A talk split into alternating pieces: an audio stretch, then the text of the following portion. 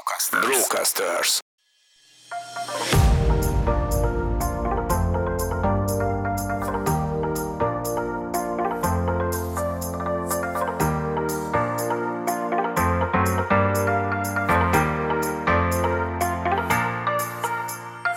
Sok szeretettel köszöntök ismételtem minden, minden Business Boys hallgatót, főleg aki ezt a IT minisorit hallgatja. Mai vendégeim az Enlight-nak a, az Enlight stúdió alapítói, Péter és Ádám. Üdvözöllek benneteket! Sziasztok! Sziasztok!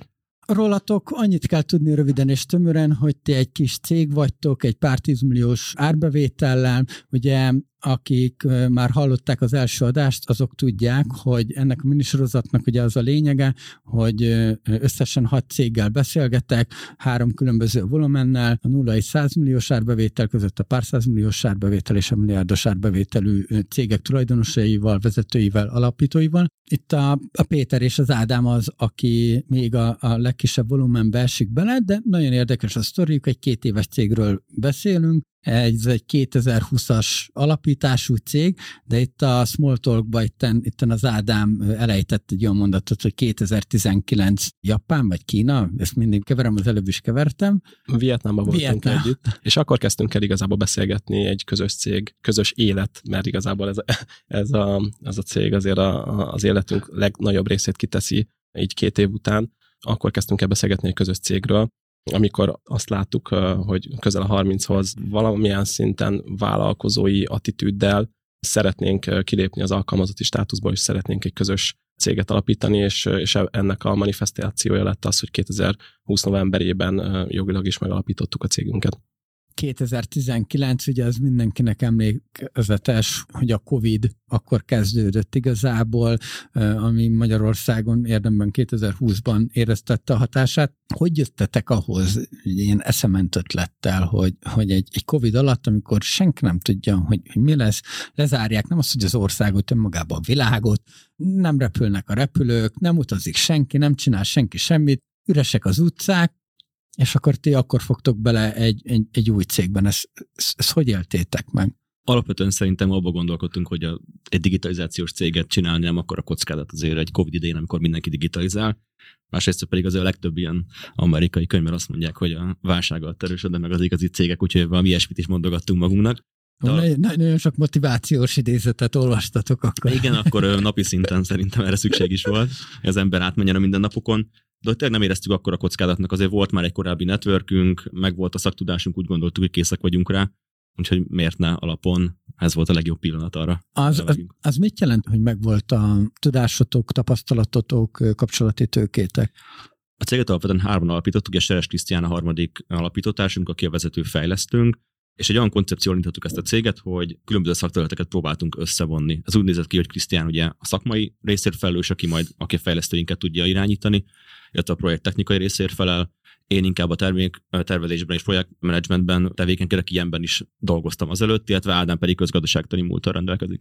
Igen, én vagyok a kakaktojás hármunk közül, mivel nekem semmilyen IT tapasztalatom nem volt korábban, én egy ingatlan fejlesztő cégnél voltam üzleti elemző, ami leginkább a, a felső vezetés döntés előkészítését jelentette. Hatalmas Excel táblákból viszonylag leegyszerűsített vagy néha nagyon komplex döntés előkészítő anyagokat írtam, és emiatt igazából én egy specialista voltam. Nekem most emiatt ez egy nagyon-nagyon új szerep, hogy én lényegében generalistaként cégvezetésért felelek, mert a hármunk felállás egyébként az, hogy, hogy én az operációt és az üzletfejlesztést viszem, Krisztián ugye a szakmájához értően a fejlesztésekért, felel, hogy megfelelő minőségben és időben átadásra kerüljenek ezek a szoftverek. Petinek pedig hát hárman közül a legtöbb sapkája van egyébként jelenleg ebben a cégben.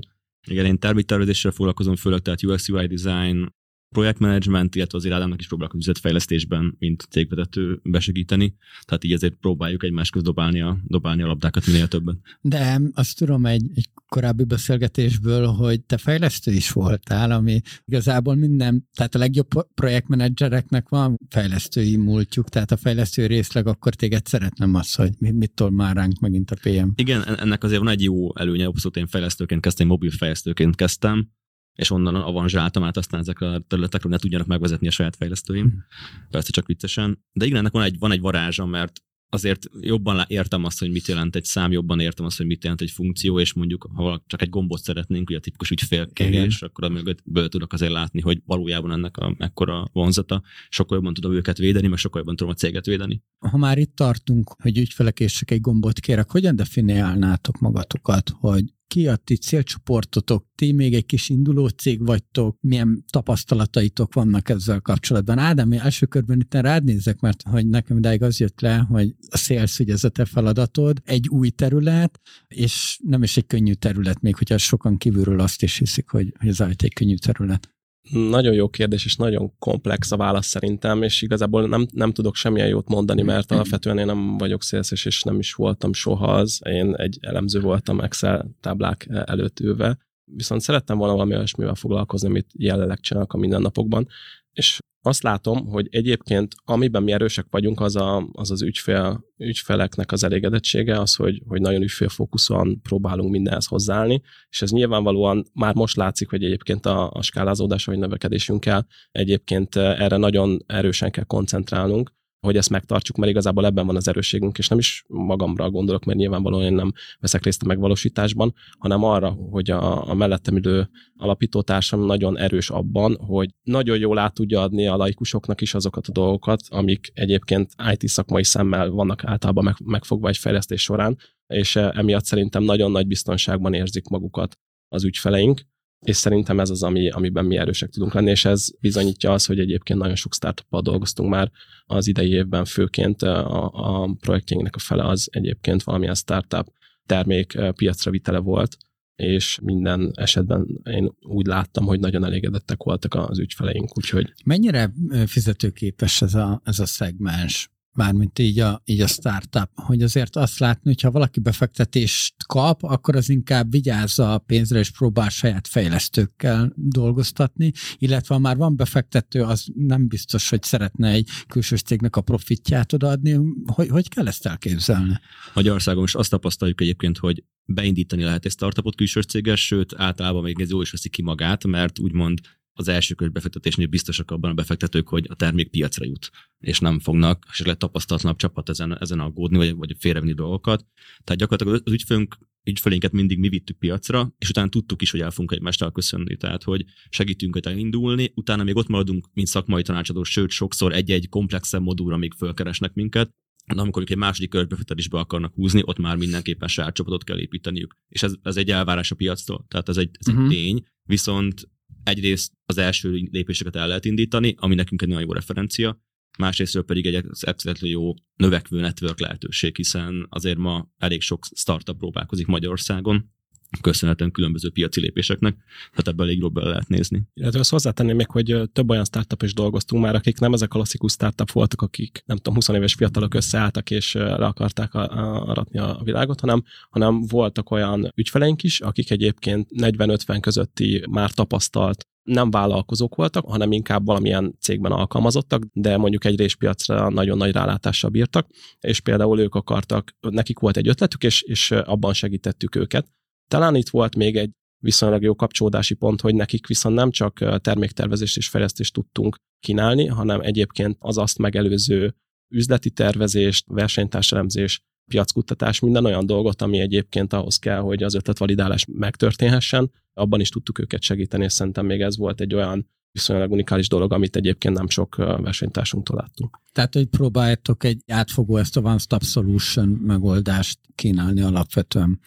Igen, igen, az a, az az ajánlatunk, hogy, hogy egy induló cégnek, egy induló vállalkozásnak ebben nagyon jól tudunk segíteni. És itt tényleg az, hogy Ádám közgazdasági oldalról jött, elemzői oldalról jött, nagyon sokat hozzá tud uh-huh. tenni. Én nagyon sok startupot és induló vállalkozást láttam, akik, akik digitális oldalról tudtam őket segíteni, és ezt tudjuk vegyíteni abban, hogy segítünk egy piacra lépni, akár tényleg egy árképzésben, vagy bármi egyébben. Uh-huh. Amit viszont sokszor kicsit tanástalanok, főleg a, a startup erő, aki még nem vitt egy software service piacra, az fogalma nincsen, hogy uh-huh. működik ez az iparág, és ebben viszont nagyon jól nekik segíteni. Előbb azt mondtátok, hogy, hogy 50 ban ezek a startupok. Mi a másik 50% Nagyon-nagyon széles piacokon mozogtunk, volt raktára logisztikai rendszer, amit csináltunk, de igazából volt olyan projekt, amiről nem biztos, hogy beszéltünk, ez egy jelentkezési felület volt, ami, ami egy ilyen elég neves startup versenynek a jelentkezési felete volt, illetve Nem tudom, Peti. Igen, dolgoztunk, tehát dolgozunk ipari cégeknek is. Keressük a helyünket, inkább, inkább ezt így mondanám. Tehát egy két éves cégről beszélünk, elég vegyes network ugye mind a három különböző kapcsolatokat hoztunk be ebbe az egészbe, és próbálkozunk mozogni, jobbra keressük a helyünket. Ami például izgalmas, hogy nem akartunk specializálni, de már volt három darab HR tech termékünk, tehát hogy mégis alakulnak ki azért ilyen gócpontok, de még nem mondanám azt, hogy mi nem tudom, mi egy fintech cég vagyunk, hogy tehát nem, nem hoznak mhm. rá ilyen zsákot a, a cégünkre, ez még abszolút kialakulóban van. De így, ahogy beszéltetek meg, ugye én azt tudom is, mert még az Ádám rám, rám írt, hogy beszéljünk, mert a podcastben egyik adásban beszéltem arról, hogy engem találnak meg projektek, és akkor ez egy ilyen ambivalens szó volt akkor, mert ugye én, én outsourcingra gondoltam, nem mindegy, és akkor beszélgettünk nagyon sokat, és én azt tudom, hogy ti ilyen projekt fókuszúak vagytok, vagy voltatok, most nem tudom, hogy, hogy ez változott-e, de hogy ti nagyon nagy lelkesedéssel ugrottatok abba bele, hogy Magyarországon csak projekteket vállalunk, outsourcinggal nem foglalkozunk, hanem nem szedjük szét a csapatot. Hogy látjátok ezt a kérdést, illetve mennyire tartjátok ezt az outsourcingot egy jó megoldásnak, mint induló vállalkozás? Ennek szerintem léltani oka is volt, hogy, hogy projekt céget akartunk építeni, és ennek az, hogy az elég jó kohéziót csinál a csapatban, és valahol olyan jobb, jobb bemenni, ahol ott együtt dolgoznak a csapatok, és nem mindenki x cégnél remote-tól. Oké, okay, csak nehezebb betörni a piacra. Abszolút sokkal nehezebb betörni, és ezt mi is látjuk, hogy azért Magyarországon majdnem mindenki outsource foglalkozik, vagy legalább a bevételre fejt outsource-ból szerzi, mi is sok céggel beszélgetünk, ezért azért mi is sokszor megremegünk ebben a kérdésben, és sokat beszélgetünk róla hárman, hogy mifelé kéne vinni a céget. Még most is ott vagyunk, hogy inkább a projekteket próbáljuk űzni, hajtani, ami pedig outsource inkább sokkal a team as a service modell. Tehát, hogy, uh-huh. hogy azt mondjuk, hogy itt van egy összeszokott 5-6 fő, akik tudják, tehát hogy kell squadot oda. Itt egy squad, igen, és hogy igen, abszolút óra, óra alapon számlázunk, tehát uh-huh. alapon, de hogy, hogy itt egy csapat tök jól dolgozik együtt, nem kell őket összeszoktatni, vásároljátok meg, és akkor segítünk. Amit én látok itt a kérdéskörben, hogy egyébként ez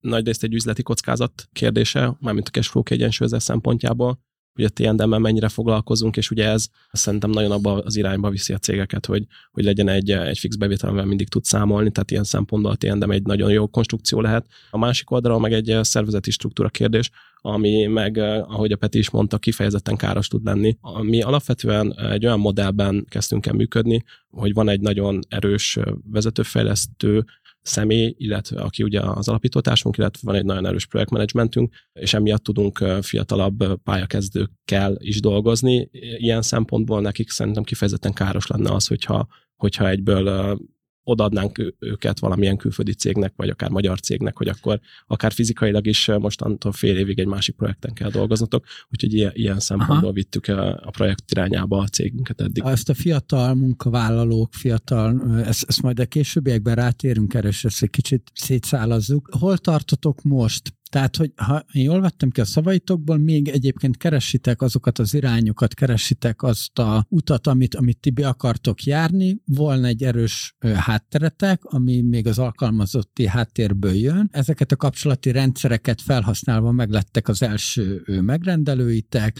és most ott tartotok, hogy, hogy nézitek azt, hogy, hogy mi az, ami beleillik a ti céljaitokba, és mi az, ami reális is a magyar piacon, ezt lehet így mondani, vagy? Egyelőre abszolút magyar piacon dolgozunk, hát mint mindenki szerintem szeretnénk kitörni a nemzetközi vizekre, ami nem feltétlenül egyszerű, ha nincsen fizikai jelenlétünk szerintem egy, egy másik országban, legalábbis mi ezt így látjuk. Sokat mondjuk, hogy két éves a cégünk. Alapvetően én ezt ketté szoktam osztani fejben. Ugye az első ilyen három évben gyakorlatilag egyedül voltam benne főálláson ebben a cégben, a többiek még munka mellett végezték. Ekkorig alapoztuk meg a folyamatainkat, találtuk ki a dolgokat, kezdtük el a sales network működésünket. És ugye gyakorlatilag tavaly októberben vettük fel az első fejlesztőinket, és azóta azért kilenc főre dúzasztottuk a céget. Tehát, hogy egy év alatt viszonylag gyorsan történt meg ez a folyamat, és én azóta számolom ezt úgy igazából.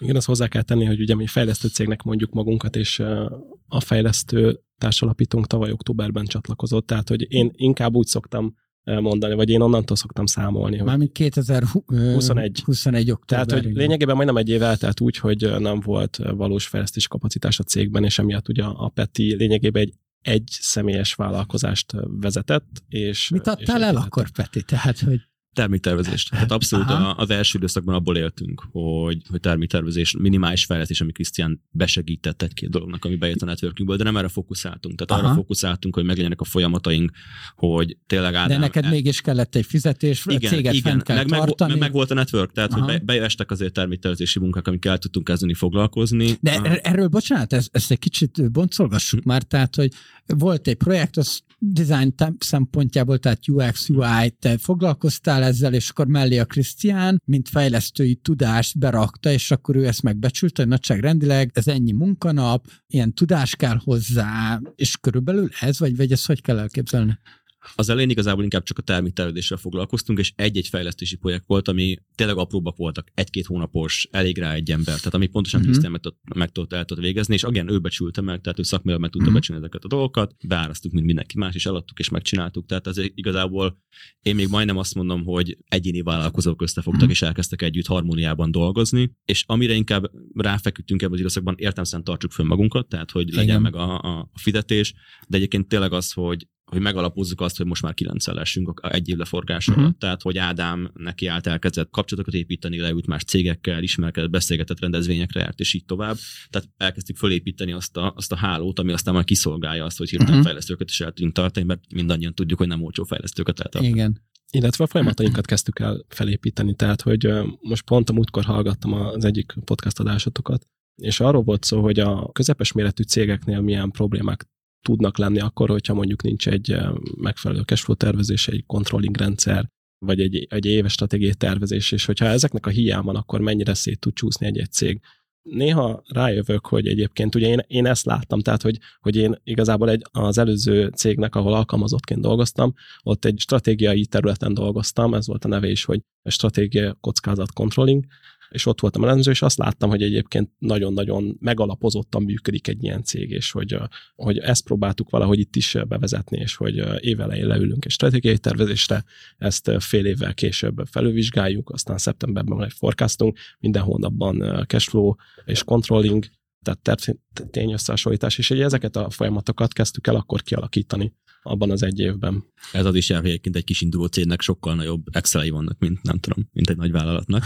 De ezt hozta nekünk Ádám, és nagyon jó, hogy behozta, mert pont, hogy ez a szemlélet szerintem segít minket abban, hogy sokkal hatékonyabban tudunk most már növekedni. Ami jó, tehát akkor letettétek a, a összeálltatók, jogilag is meglakult a cég, letettétek az erős alapokat, megvannak mindenkinek a saját kis területe, amivel tud foglalkozni, és most egy, egy olyan növekedési fázisban vagytok, ami elbír mondjuk ki tud szolgálni 6-7-8-9 fejlesztőt, tehát hogy, hogy ezekre letettétek a, beletettétek a munkát, hogy, hogy ezt ki tudja szolgálni. Milyen változást hozott ez, ez belőletek? Önmagában mondjuk még lehet, hogy mivel még kisebb a cég, ezért, és ugye olyan múltatok van, itt talán könnyebb, de mégis egy alkalmazotti viszonyból jöttetek, ahol 5-én, 10-én jött befele a lóvé, és, és csengett a lóvé.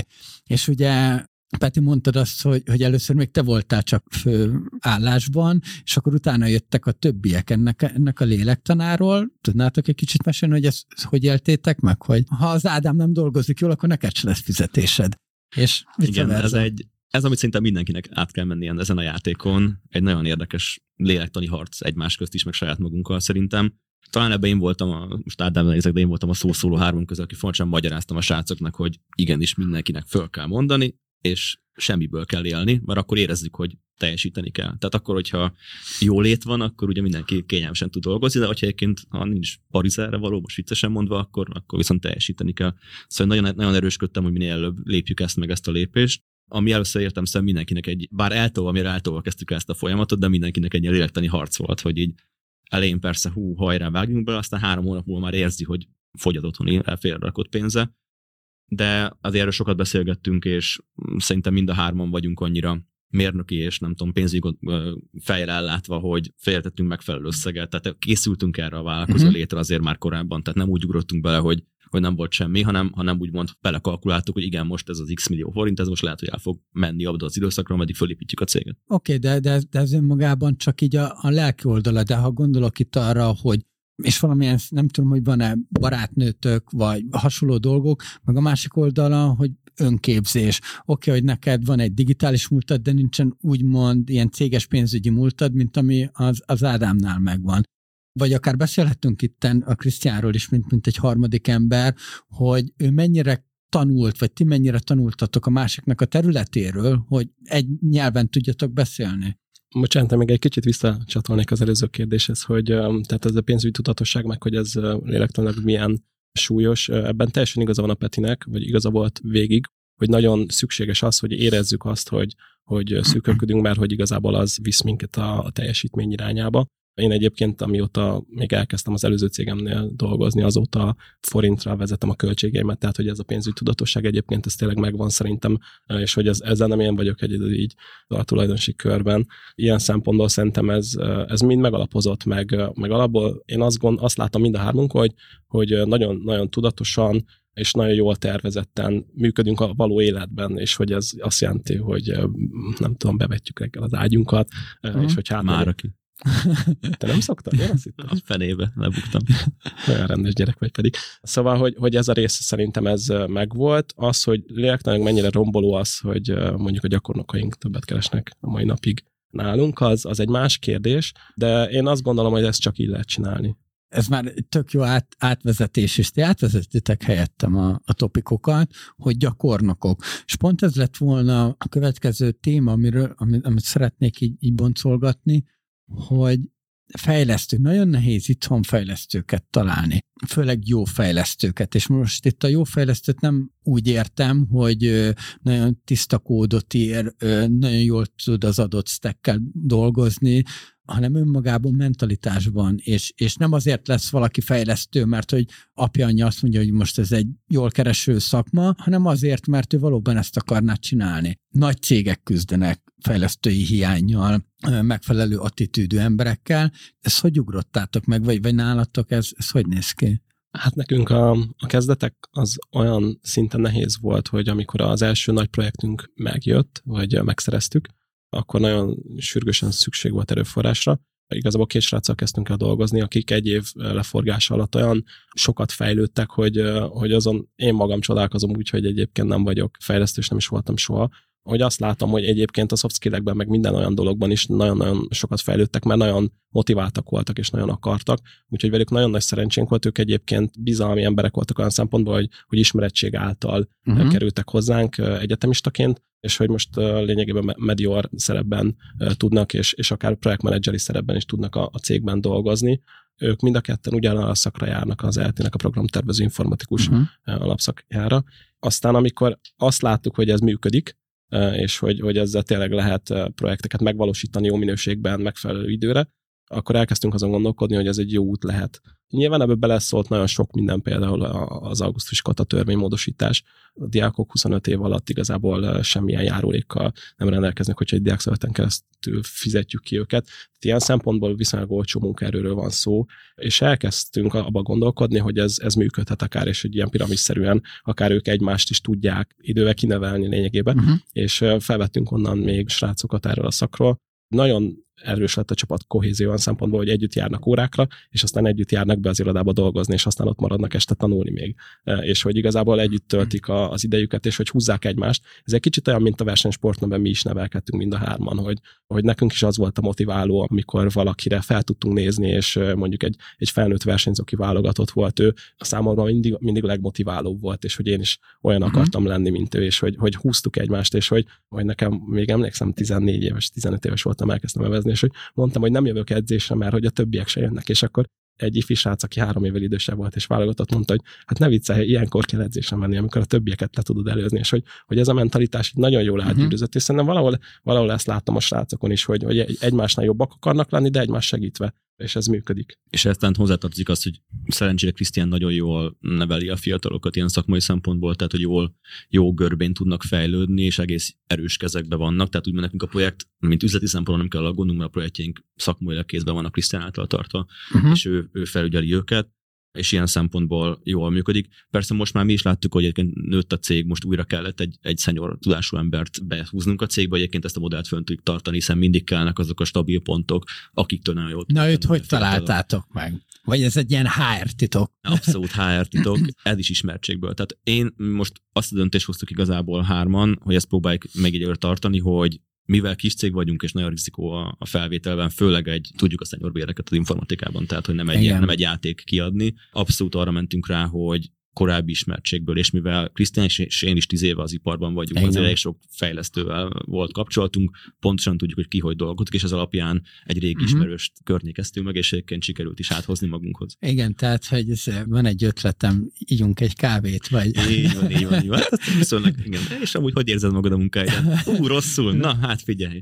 Abszolút, Aha. igen, igen, tehát, hogy, hogy el, elhoztunk egy, egy régi ismerős hoztunk be egy a cégbe ilyen szempontból, ami szerintem most majdnem hogy kötelező. Tehát, hogy manapság egy induló cég, aki nem tök erős cég, tehát nem arról beszélünk, hogy, hogy valaki jött és azt mondja, csináljunk egy százszor céget, itt van rá a tőké, hanem nulláról építkezik, ott nem lehet kockáztatni azzal, uh-huh. hogy mhm. ma az ember a piacról föl, aztán legyünk őszinték, azért fölhigult a szakma.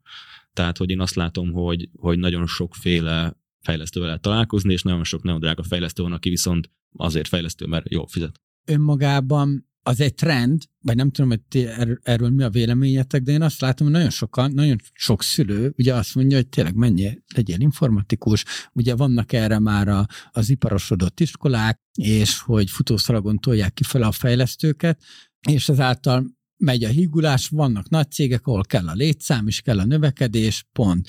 Mi ennek az oka? Csak feldobok egy pár dolgot, mert hogy, hogy önmagában Budapest önmagában, lokációjából, önmagában a szakembereknek a tudásából, és ez egy kicsit ellentmond, de régen nagyon jó fejlesztők voltak, és nem hiába a Prezi, EPAM, Nokia, tehát nagyon sok olyan cég van itt, ahol, ahol nagyon sok jó szakember van. Nagyon sok cég fejlesz külföldre, mint bérfejlesztő cég, tehát hogy, hogy, hogy erről is beszéltünk ma már egy pár szó erejéig, vagy hogy önmagában a freelancerek azok már otthon, és ezt a Covid talán fel is erősítette egy kicsit, meg aztán tök mindegy, hogy egy magyar cégnek dolgozik a konyhasztaltól, vagy pedig egy, egy amerikai cégnek.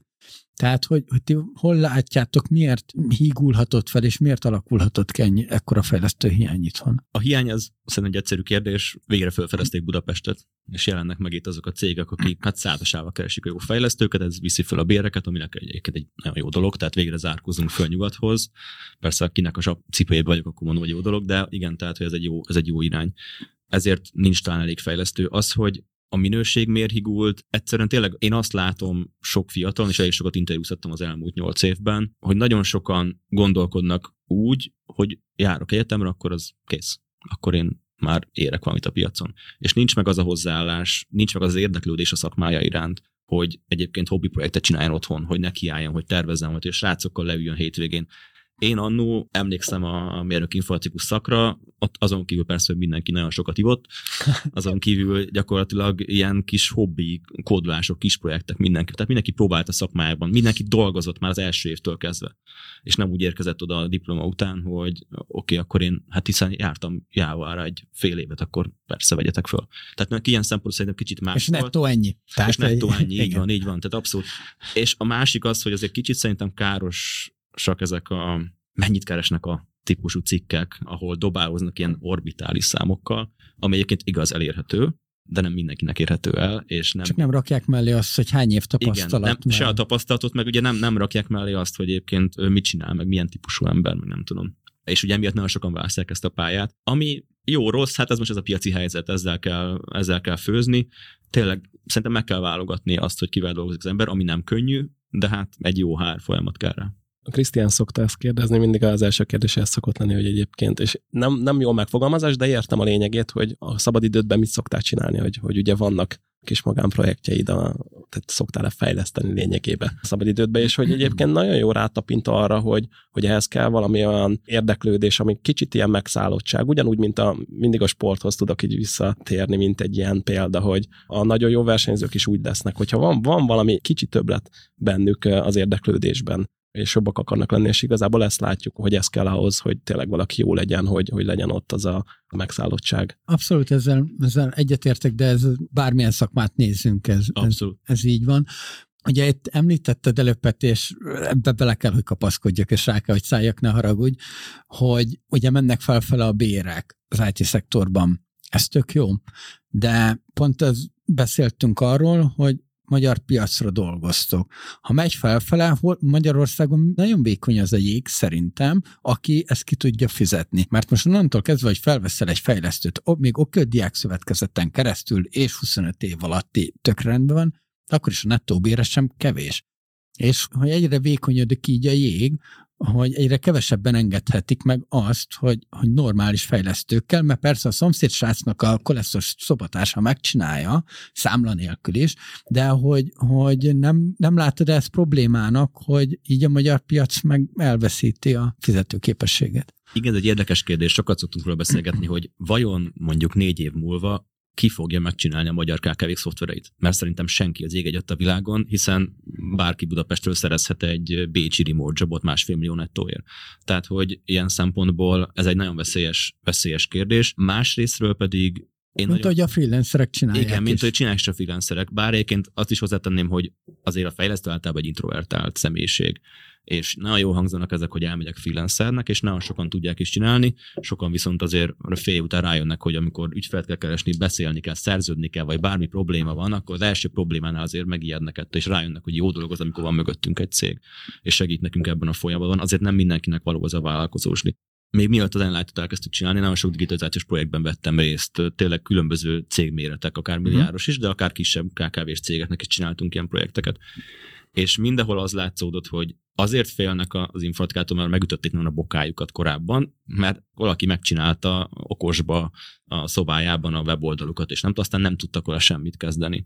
És pont ez, ha ezt jól át lehet adni egy folyamat során, illetve van, vannak olyan kockázat porlasztó lehetőség. Mi például úgy értékesítünk, hogy sokszor, amikor terméktervezés van, az akár egy kicsit ilyen behúzóárral is működik, és ott, ott nagyon szorosan dolgozunk egy ügyfélel. Tehát van egy, van egy kapcsolatépítési időszak, ahonnan még ki tudsz szállni, mert kap egy végterméket, hiszen kap egy tervezett terméket, tehát nem megy üres kézzel, viszont nem kell beletennie egy szoftvernek az árát, ami nagyon nagy differencia a, a költségekben, és van, van lehetősége neki is bizalmat építeni felénk, meg nekünk is felé, hogy egyébként kezelhető ügyfél is azt szeretné, amit mi szeretnénk, ez sokat segít abban, hogy ezek jól működjenek. Igen, itt a, bizalom kérdés az egy nagyon fontos dolog szerintem a mai piacon. Én azt láttam mindig is, hogy amióta az online tevékenykedek, hogy ez erre nagyon ki kell éleznünk igazából egy, akár csak egy árajánlatási folyamatot is, hogy azt mondhassuk, hogy egyébként, hogyha nem vagy velünk elégedett, akkor itt ezeken a pontokon te ki tudsz állni, és hogy aztán ugye ez a másik oldalon meg úgy csapódik le, vagy úgy csapódott le nálunk, hogy több olyan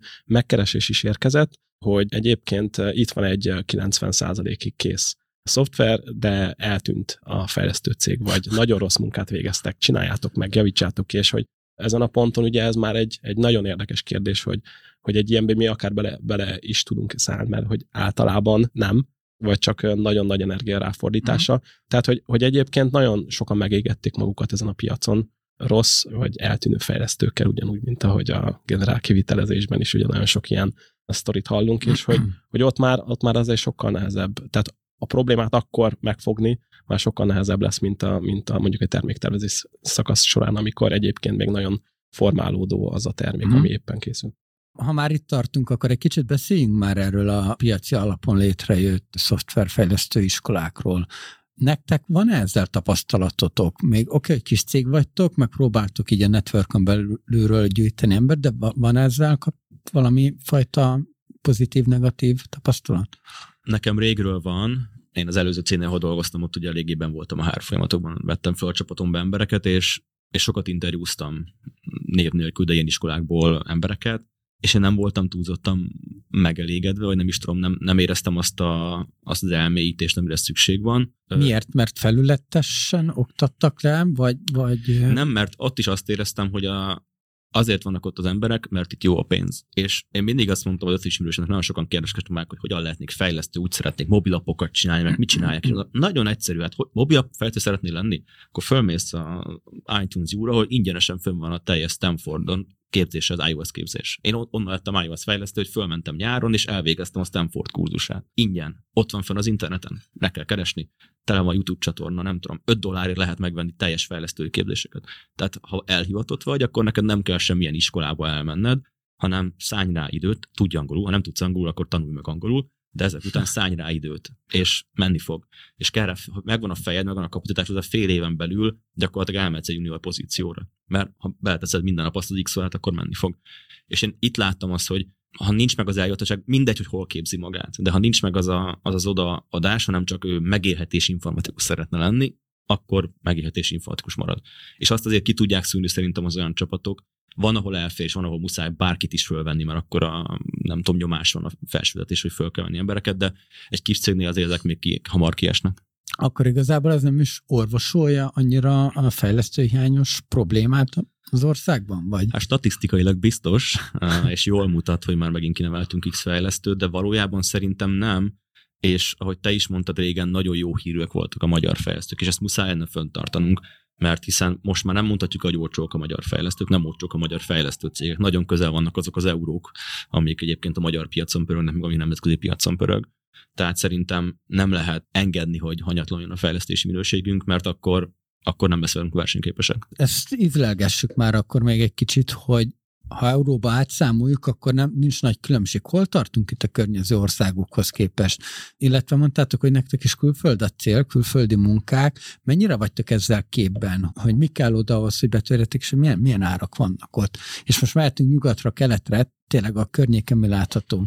Én cseh példát tudok mondani, hogy én nekem a feladatomnak egy része az, hogy elég sok ilyen ideg megkeresés, vagy ilyen ideg megkeresés kell csinálnom, és a cseh, vagy hát a prágai ilyen startup ökoszisztémába próbálkoztam egy kicsit így rácsatlakozni, mm-hmm. mert voltam egy konferencián Magyarországon, és ott nagyon sokat példáloztak a cseh ökoszisztémával és annak a, a nagyon jó működésével, és onnan kaptam több visszajelzést arra vonatkozó, hogy nagyon drágák azok az árak, amiket én éppen mondtam, mert hogy ugye küldtem ki nyilván egy brosúrát, meg egy-két olyan információt, ami őket segítheti abban, hogy valamilyen benyomást kapjanak, és hogy egyébként az nagyon sokalták. Úgyhogy ilyen szempontból én azt gondolnám, hogy így ez a közép-kelet-európai régió valahol árszinten ugyanott lehet, ahol mi, legalábbis nekem ez volt az ilyen belső megérzésem. Ugyanez a portugál piaccal, ami ugye a startup szinten, ugye Web miatt, meg ugye önmagában ökoszisztéma szempontból ez egy ilyen nagyon jó és felívelő hub lehet Európán, vagy akár a világon belül, és hogy ott is valamilyen ilyen jellegű visszajelzések érkeztek, tehát hogy valószínűleg lehet, hogy csak mi próbáltunk rosszul árazni, vagy hogy ugye a, a nyugat-európai sítani az árainkat, és hogy, hogy nem, nem megfelelően tettük, de hogy egyébként olyan visszajelzések érkeztek, hogy, hogy, hogy drágák azok az árak, amiket így mondunk. Egy kicsit spoilerezni fogok, lesz egy későbbi adásban, tőletek már egy, egy nagyobb cég, és hogy neki is pont, pont ez jött vissza, hogy ha projektre adnak árajánlatot, akkor sokalják, és azt mondják, hogy hé, nem azért kerestünk Magyarországon céget, hogy ilyen árat kapjunk. De hogyha meg outsource-ba betolod egy cégnek, akik Nyugat-Európában dolgozik, ott meg nevetve kifizetik. Igen, ugye ez azért érdekes kérdés, mert hogy például én sem tudnám megmondani, pedig ugye az árazással mi foglalkozunk, de nem tudnám megmondani, hogy, hogy a, a projekt, illetve a TNDM alapú, hogyha átszámítjuk, akkor egyébként mi az a kockázati felár, amit egy projekt tartalmaz lehet, hogy Peti, te meg tudod mondani, de hogy én egyébként ezt nem érzem még, és hogy van kockázati felár, mert ugye abban minden olyan dolgot bele kell sűríteni, amivel igazából mi vállaljuk onnantól kezdve ennek a, a kockázatát minden szempontból, amúgy több ilyen beszélgetésem is volt nálunk nagyobb fejlesztő cégek vezetőivel, hogy hogy megégették magukat egy-egy ilyen projekt alapú munka során, ez egy nagyon komplex kérdéskör szerintem. Azon gondolkodtam most így a napokban, és hogy még erre sincsen számunk, hogy például a, ugye a, sales ciklusunknak a, a mérése sem megfelelően kiforrott még, egyébként ezzel most már egyre többet foglalkozunk, hogy, hogy tudjuk pénzben mérni azt, hogy egyébként mondjuk milyen költségei vannak egy értékesítésnek, meg hogy egyébként milyen hosszúságúak, mert,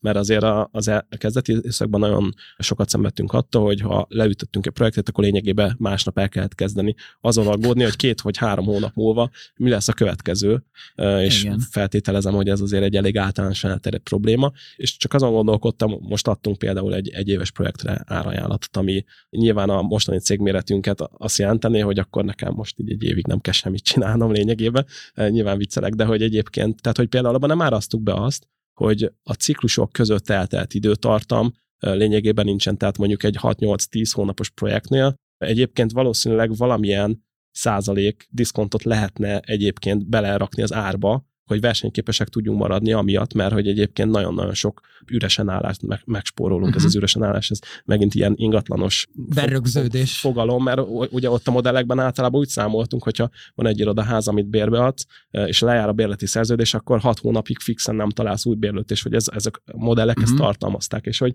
hogy itt is valahogy ezeket a számokat szerintem bele lehetne építeni egy-egy szoftverfejlesztési üzleti modellbe, vagy, a, vagy egy cég üzleti modelljébe, hogy egyébként ezek vannak. Ez csak azért fontos, mert ugye sokkal versenyképesebbek lennénk akkor, hogyha ezt ténylegesen be tudnánk építeni az árazás technikánkba. De, de akkor ezt érzitek, vagy kérdezem, hogy érzitek-e, hogy, hogy van egy ilyen, egy ilyen kettősség, hogyha outsource-ba könnyebb, drágábban eladni egy fejlesztőt, mint hogyha egy projektet, ahol még a felelősség is nagyobb. Abszolút, ezt látjuk ezt, a, ezt az irányt, viszont szerintem egyébként projekttel lehet nagy hasznot is generálni. Tehát, hogy egy outsource alá nem tudsz értékalapú árazást végezni, akkor ennyi az óradíja, aztán kész. Igazából a kettő fejlesztő az lehet, hogy hatalmas szakmai különbség van, de mind a kettő szenyornak minősül, akkor mind a kettő ugyanannyi euró. Míg, míg egy projektnél egyébként sokkal jobban lehet azt árazni, hogy ez mekkora, mekkora hasznot fog hozni egy ügyfélnek. Akár kimutatod mondjuk egy digitalizációs projektnél, hogy meg, mennyi pénzt fogunk spórolni neked ezzel a, ezzel a bevezetéssel a következő x mert mondjuk kiváltunk három embert, és tudom, három ember napot ki tudsz minden nap szedni a fizetésekből, elég egyszerű matekkel kiszámolható. Innentől már lehet máshogy árazni egy ilyen terméket. Akkor igazából meg is érkeztünk egy, egy, egy olyan topikhoz, hogy egyre több fejvadász cég is már outsourcingol, mert azt mondják, hogy figyelj, akkor inkább kirakom TND-be egy nagy multihoz, és akkor csörög a lóvé, mint hogy most megkapjam a jutalékomat. És egyre több fejvadász cég lép be erre az outsourcingos piacra. Erről mi a véleményetek? Jót tesz a piacnak, nem tesz jót? Vagy nem is versenytárs, mert ti nem erre felementek? Vagy honnan fognátok meg ezt a kérdést? Hát ez azért érdekes, mert pont december utolsó hetében egy ilyen céggel beszélgettünk arra, hogyha egyébként van nálunk szabad kapacitás, akkor azt rajtuk keresztül tudnánk igazából alkalmazni. Én ezt tartom a legkevésbé úgymond humánus módszernek, tehát hogy ebbe az irányba akarjuk a legkevésbé elvinni a jelenlegi csapatunkat, de nyilván ennek az is a háttere, hogy még ez egy kis csapat, akiknek tényleg az a, az a fő motivációja, hogy izgalmas projekteken tudjanak együtt dolgozni és fejlődjenek. Ez szerintem kb. mindegyik részét kivennénk a, a képletnek akkor, hogyha ezt, vagy őket így alkalmaznánk, de ugyanakkor cég szempontból lehet, hogy egy, és majd akkor, akkor erről tudunk majd beszélgetni, amikor mi ott tartunk, hogyha elkezdünk mondjuk hirtelen gyorsan skálázódni, és szükség lesz egy olyan stabil cashflow-ra, akkor, akkor el tudom képzelni, hogy ebbe az irányba haladjunk, de most jelenleg nekünk nem ez a víziónk, uh-huh. és hogy így és kitartotok mellett. Igen, és még a, tehát, hogy még a skálázódásról is egy ilyen megosztanak a vélemények, de hogy ha most minden így marad, akkor igazából nem feltétlenül akarnánk sokkal nagyobbra növelni ezt a cégméretet, mert ez most minden szempontból egy, egy hatékony működést uh-huh. tud eredményezni. Tehát nem akartok egy 50 fős céget aztán exitelni? Jelenleg még nem.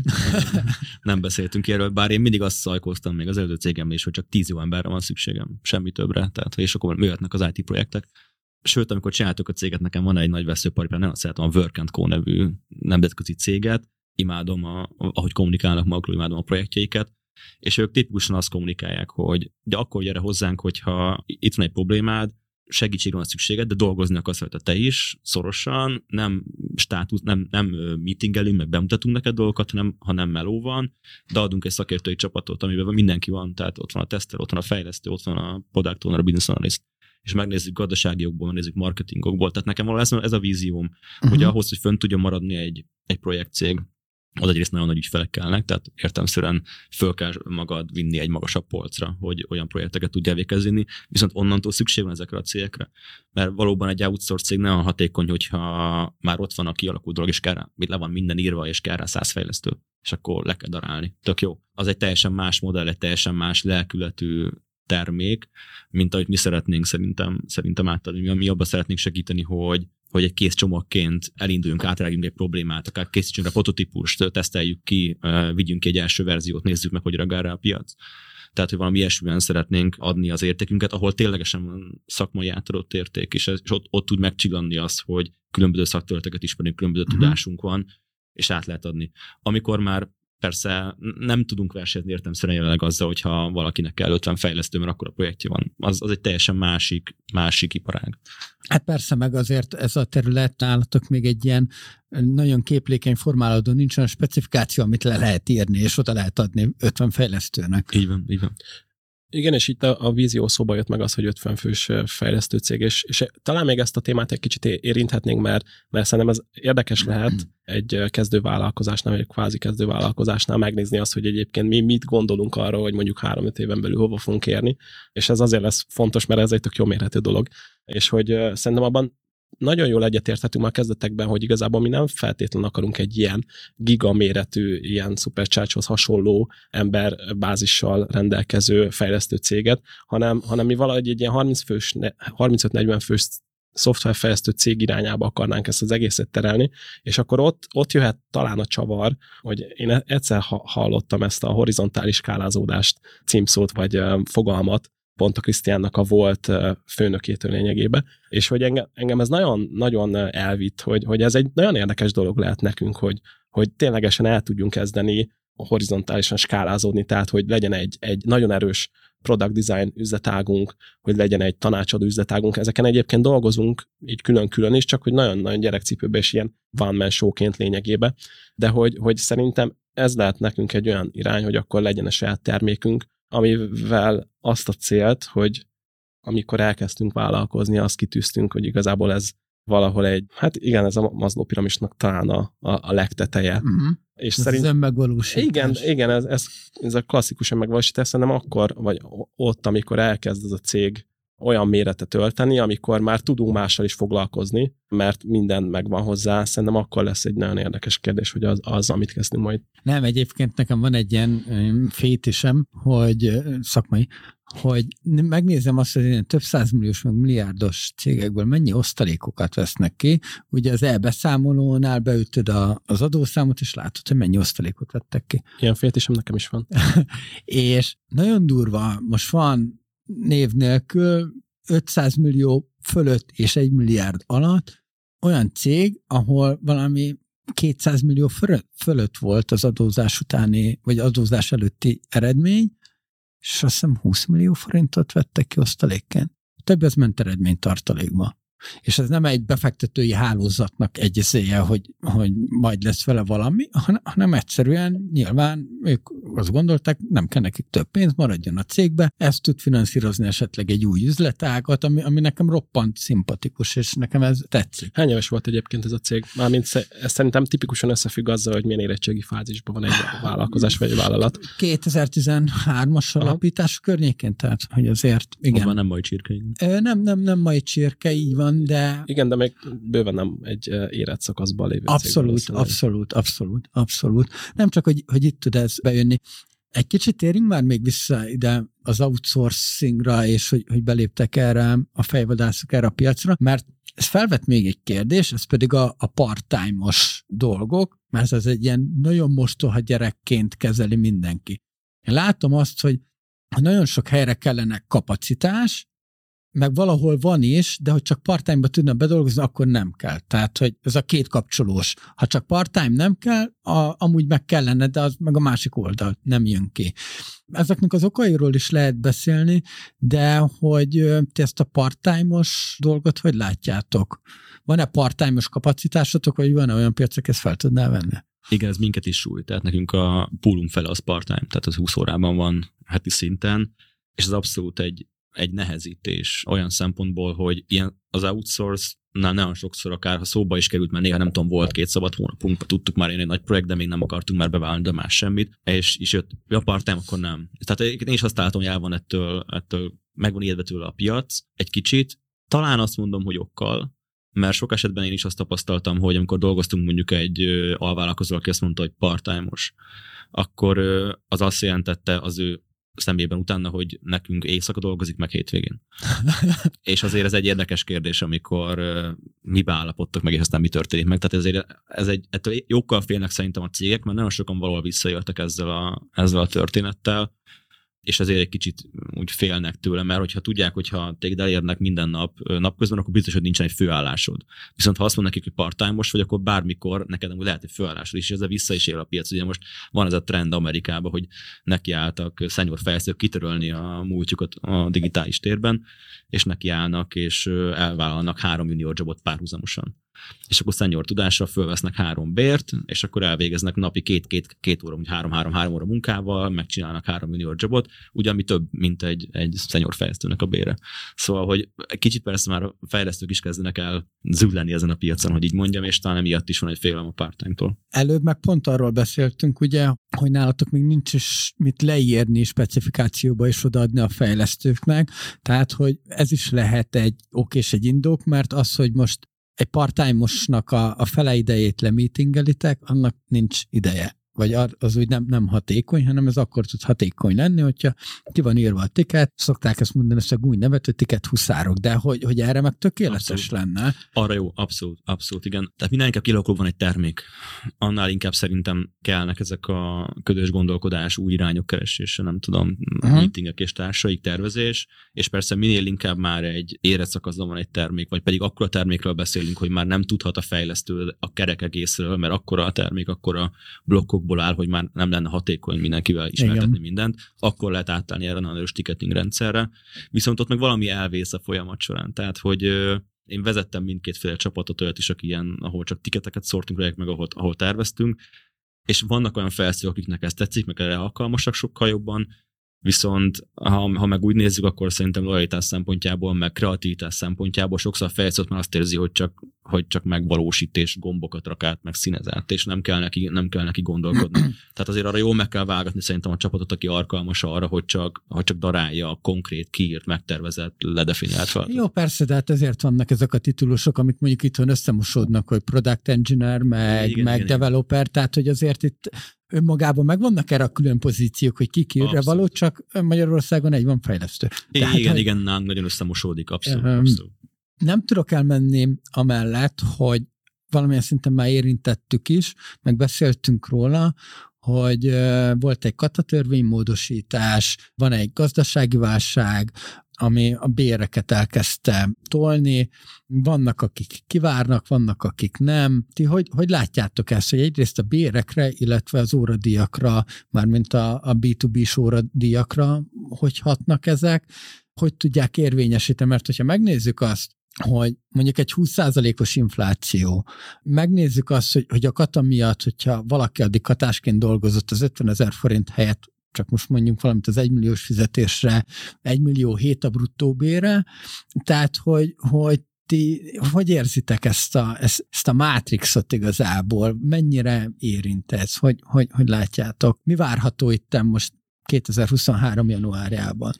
Az alapstruktúránk miatt minket ez nem érintett nagyon mélyen, viszont valószínűleg egyre jobban fog. És valakivel talán pont veled beszélgettem arról, hogy, hogy milyen érdekes lesz az a szakadék, amit kinyit mondjuk ez a, a junior meg a seniorok között, mármint hogy mhm. bérsávban, uh-huh. meg, meg minden szempontból, és hogy valami ilyesmit érzek most, hogy, hogy ugye van, van szeniorunk, vannak junioraink, vagy már inkább mediornak nevezném őket, de hogy most ez talán részkérdés, és hogy, hogy, hogy egyébként ugye rálát, vagy hát mi, ad, mi adunk nekik fizetést, és hogy látom azt, hogy egyébként milyen nyíló olló ez a lényegében, és hogy, hogy valami ilyen irányba fog szerintem ez még jobban tolódni. Tehát a nagyon-nagyon jó fejlesztők szerintem egyre drágábbak lesznek, és mivel egyébként azt már ugye ti is körvonalaztátok itt a beszélgetés során, hogy, hogy a, a jó fejlesztőket egyébként nehéz megtalálni, és nagyon meg kell becsülni, és hogy a megbecsülés az most már egy egyre bonyolultabb dolog már, mint hogy ugye nyilván ezek a csomagok, amiket ők kérnek, azok szerintem egyre kevésbé korlátozódnak a fizetésre, és hogy egyre inkább olyan... És hát hogy, meg ez az employer branding és, és társairól is áll, egyre több cég. Igen, és hogy, hogy mi most elkezdtünk foglalkozni azzal, hogy, hogy akkor bevezessünk egy struktúrát abba, hogy mondjuk a teljesítményértékelést, meg beszélgetéseket, formálisabb beszélgetéseket a, a, az embereinkkel hogyan végzünk, és hogy például nagyon sok minden kiderült arról, hogy, hogy ugye nagyon-nagyon egyéni preferencia kérdése, például a motiválhatóság, meg az, hogy minek a függvénye az ő motivációs mátrixa. Uh-huh. És hogy, hogy szerintem lehet ez egy jó út, hogy, hogy egy kicsit nagyobb erőforrást alokálni arra a cégeken belül, hogy beszélgessenek az emberekkel, és hogy megkérdezzék meg tőlük, hogy egyébként ők akkor lesznek boldogabbak, hogyha több pénzt kapnak, vagy akkor, hogyha nagyobb felelősséget, vagy akkor, hogyha érdekes projekteken dolgoznak, mert például ebben mi, mi is tévedtünk. Volt egy egy srác, aki, akire azt gondoltuk, hogy egyébként a magasabb bér egyébként jobban fogja motiválni, sok jel volt erre, és egyébként, amikor erre, ennek az irányába tettünk lépéseket, akkor kiderült, hogy igazából ez kontraproduktív volt, és hogy kevésbé lett motivált azáltal, Aha. hogy neki sokkal bizonyosabb az, az életszínvonala, vagy tök jó volt, hogy erről tudtunk beszélni, hogy megkérdeztük tőle, hogy figyelj, egyébként neked ez így, így milyen volt, amikor ez így megtörtént, és hogy mondta, hogy ja, hát, hogy igazából nekem ez nem feltétlen abba az irányba tolt, hogy akkor jobban meg proaktívabban dolgozzak, hanem abba az irányba, hogy hogy a, a minimumot hozzam, és hogy ez egy nagyon érdekes dolog, hogy, hogy ez mindenkinek teljesen egyéni és eltérő. Szerintem erre, erre a cégeknek többet, vagy jobban kellene figyelni. Abszolút. Visszatérve kicsit a, arra az oldalra, amit Ádám említett, szerintem az, az látható, hogy a piacra lépőket most elkezdett visszafele menni a bér. Tehát, hogy valahol szerintem mondjuk egy, egy három évén azt láttam, hogy a nagyon magas kezdőbérek voltak a junioroknál, és most ez sokkal inkább lefelé realizálódik, tehát hogy akár csak halljuk a, a mi srácainktól, hogy az ő barátaik, nem tudom, szaktársaik, azok, azok milyen béreket dolgoznak, és ott talán van egy lefelé mozgás, és hogy Ádám is mondta, viszont a szenyoroknál meg egy fölfele, tehát ez mindenképpen egy, egy ilyen jellegű változás, ami a piacot illeti mindenki árat emel. Tehát ezzel, ezzel nem, lehet, nem lehet mit csinálni, mindenkinek ki kell fizetni ezeket a béreket. Amit mi most mit válságszinten látunk, az az, hogy talán elkezdtek lassabban áíródni ezek a bizonyos teljesítési igazolások, egy kicsit lassabban fizetődnek ki azok a számlák, haladékot kérnek cégek, tehát a mi partnereink, a mi ügyfeleink, mindenki egy kicsit próbálja tovább magánál tartani a pénzt, és minél később kifizetni, mert nekik is gondjaik vannak. Mint a jó kis tyúkanyúk. Szerintem ez tipikusan megint ez az ellátási lánc probléma, ami, ami egy ilyen válságos környezetben, mert mondjuk hogy ez egy válságos környezet, egy ilyen válságos környezetben a piac ugye mindig tisztul, és hogy talán, talán ez lehet itt a, a, a kulcs, hogy ugye ezek, a, ezek az ellátási láncok egyre fognak rövidülni, mert mindenki ebbe az irányba halad, és talán, talán ez egyébként egy, egy korrekció fog okozni akár a, a bérekben is. Igen, meg a visszatérek kicsit a projektárakra, külföldi, külföldön nehezen mennek át ezek az árak, meg akár magyarok kell kicsit föl kiszolgálni. Azért legyünk őszinték, ezek a projektek, ezek nem szabadon mozognak a piacon. Tehát nincs egy IT projekt shop, ahol fölmegyünk, és jelentkezik rá mindenki, hanem mindenki annak az öt ismer, fölhív két havert, te kiket ismersz, kikkel dolgoztál, és öt céghez eljut egy gyárajánlat, és az öt cég fog megversenyezni. Tehát igazából nem a piaccal versenyzel az áradon, hanem azzal a pár céggel versenyzel, akit éppen megkértek, ami persze általában nem tudsz, hogy ki az, de hogy ez egy nagyon érdekes szinte márképzési verseny, uh-huh.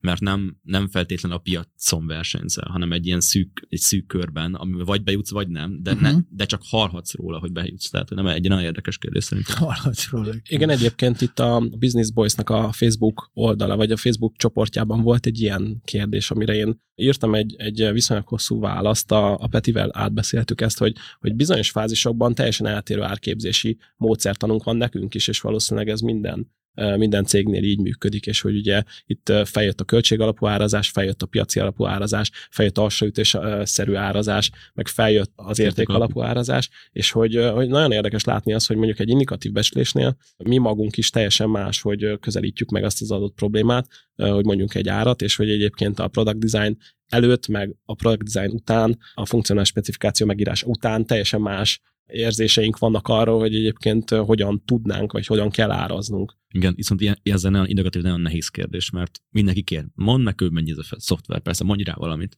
Egy tóliget. Egy tól, és egy tóliget, igen, igen, az a kedvenc, csak egy tóliget mondj rá. De, de ami, érted, ami, ott is valahogy bele kell számolni, tehát a, hogy, abszolút, hogy ez egy ördögi kör. Egy ördögi kör, és, és értem is, hogy miért kérik, csak olyan szempontból nagyon nehéz, hogy, hogy kér egy tóliget, te teljesen információ hiányában, vagy mondasz valamit. Ha ott nagyon lefelé lősz, akkor fú, de boldog lesz, és tovább megyünk, viszont rohadtul meg fog lepődni, mert biztos, hogy nem annyi. Ha nagyon, nagyon fölélősz, akkor meg nem fog vele tovább menni, mert megijed. Itt kell játszani a bizonyos dolgokról. Volt azért már nekünk olyan, olyan projektünk, ez most értékesítés trükk, vagy nem értékesítés trükk, de hogy mondtunk egy projektát, ú, na hát az nagyon sok. Na figyelj, kezdjünk el rajta dolgozni, akkor mondtam, hogy rórendben, akkor figyelj, csípjünk le szeleteket, kis dolgokat megbecsünk, neked tervezhető, és elindultunk. Na most azért egy év alatt a projektár fölé mentünk a végére. Tehát el lett költve az az összeg, csak mégis nem tűnt akkorának először. De ez inkább szerintem egy ilyen pszichológiai dolog, hogy ugye tehát az ember az így működik, hogy egyébként, hogyha lát egy nagyon nagy számot, akkor ő azt mondja, hogy azért nem fogja megvenni, de hogy egyébként egy év alatt ugyanoda jut el, vagy talán még tovább is, de hogy egyébként sokkal kevésbé fájdalmas neki az, hogyha 6-800 ezer forintokat hagyott, és aztán utána megérzi, hogy ez működik és megy, és hogy ez is egy kockázatcsökkentés lényegében. Milyen, milyen 2023-as évet láttok? Én napsütéses. Napsütéses? Nyáron biztos? Hát reméljük, hogy sokat tudunk majd dolgozni. Mert az év második fele egyébként nekünk úgy alakult, hogy nagyon kontrasztos volt az első feléhez képest, és hogy nagyon sokat gondolkodtunk, meg viccelődtünk ezen, hogy most igazából nekünk csak szerencsénk van, vagy hogy hogy alakult ez mégis ilyen jól, annak ellenére, hogy, hogy volt egy április-június közötti időszak, amikor például a, a saját weboldalunkon dolgoztunk viszonylag sokat, mert a srácainknak nem tudtunk mást adni, és hogy, hogy tök érdekes, de én erre ugye mindig azt mondtam, hogy ez, ezek minden összefügg mindennel, és hogy az, hogy nekünk lett egy, egy nagyon-nagyon, szerintem nagyon szép weboldal, amit a Peti tervezett, és aztán megcsináltak a srácok, és csináltunk nagyon sok anyagot, amiben igazából megfogalmaztuk, hogy kik is vagyunk igazán jól, és hogy adtunk vagy tudunk adni olyan anyagokat a kezünkből, akár csak a, azt a, azt a Notion-ös erőforrás mátrixunkat, amivel én egy, nem tudom, prágai út során négy órát foglalkoztam, és hogy egyébként félve küldtem ki, neked küldtem ki először Igen. egyébként, és hogy, hogy félve küldtem ki, de hogy aztán azóta elég sok cégtől azt a visszajelzést kaptuk, hogy ez tök jó, és elindultunk ebbe az irányba, hogy, hogy kicsit ilyen innovatívabb anyagokat gyártunk, ehhez egyébként elég sok kreatív energia kell, és hogy, hogy erre volt egy kis időnk abban a pár hónapban, és szerintem az okozta azt, hogy egyébként augusztustól decemberig lényegében a Petinek nem volt olyan hétvége, amikor ne kellett volna dolgoznia, és hogy, hogy ez szerintem, tehát hogy így összeálltak a dolgaink azért, mert egyébként elég sok melót fektettünk abba, hogy összeállnak a dolgaink, és hogyha ha tudunk majd dolgozni 2023-ban ennyit, akkor az azt jelenti, hogy akkor, akkor jó úton uh-huh. vagyunk. Igen, másrészt pedig jól látszik azért ciklikusság szerintem ebbe az iparágba is, tehát hogy, hogy azt, azt meg kellett látnunk, hogy, hogy nyáron nincs ott döntéshozó a cégnek, akivel leszerződjünk, és ezt, ezt meg kell tanulni. Az ember így tudja, mert józan parasztésztel kikövetkeztetett, hogy akkor vannak bali nyaralni, szóval nem fog lehet szerződni, de másrésztről meg ezzel tapasztalni, hogy ha elhúztunk egy sales folyamatot odáig, akkor ott már nem lesz aláírás csak szeptemberben. És ilyen szempontból ezt is valahol meg kell tanulni, hogy nekünk mondjuk úgy kell időzíteni a folyamatainkat, hogy mindent lezárjunk nyár elére, hogy végén végpörögjenek a dolgok, és maximum alapozzunk nyáron mert erre figyelni kell. Érdekes, mert az egyik legnagyobb projektünk egyébként az egy Facebook csoportból van, és egy héttel később le tudtunk szerződni, mikor én, én ráírtam, vagy írtam egy kommentet arra az adott felhívásra, és hogy, hogy az július 30-án volt, amikor leszerződtünk. Tehát, hogy, hogy egyébként nyár közepén is történtek olyan ilyen hihetetlen sztorik, ami, amik azóta igazából tartanak, mert most, most egy következő projektet is ezzel a céggel fogunk csinálni, úgyhogy igen, az a ciklikusság az tényleg jellemző. Egyébként pedig, hogy számszerűsítsem, duplázni szeretnénk újra. Na, hát ez szerintem egy nagyon jó végszó, és remélem összejön, hogy dupláztok. Nagyon örülök, hogy, hogy itt voltatok, és most legalább lesz egy olyan adás, amikor magatokat hallgathatjátok vissza az adásban.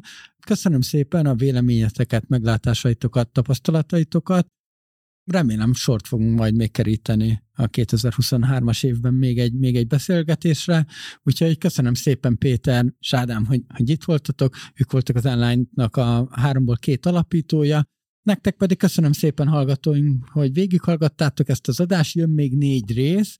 Következőben egy kicsit más szintről nézzük meg ugyanezeket a témaköröket, ott már egy pár százmilliós árbevételű cégeknek a, a látásmódját és szemüvegén keresztül tudjuk megnézni ugyanezeket a témaköröket. Remélem akkor is hallgatni fogtok minket. Köszönöm, hogy meghallgattatok. Sziasztok! Sziasztok! Sziasztok!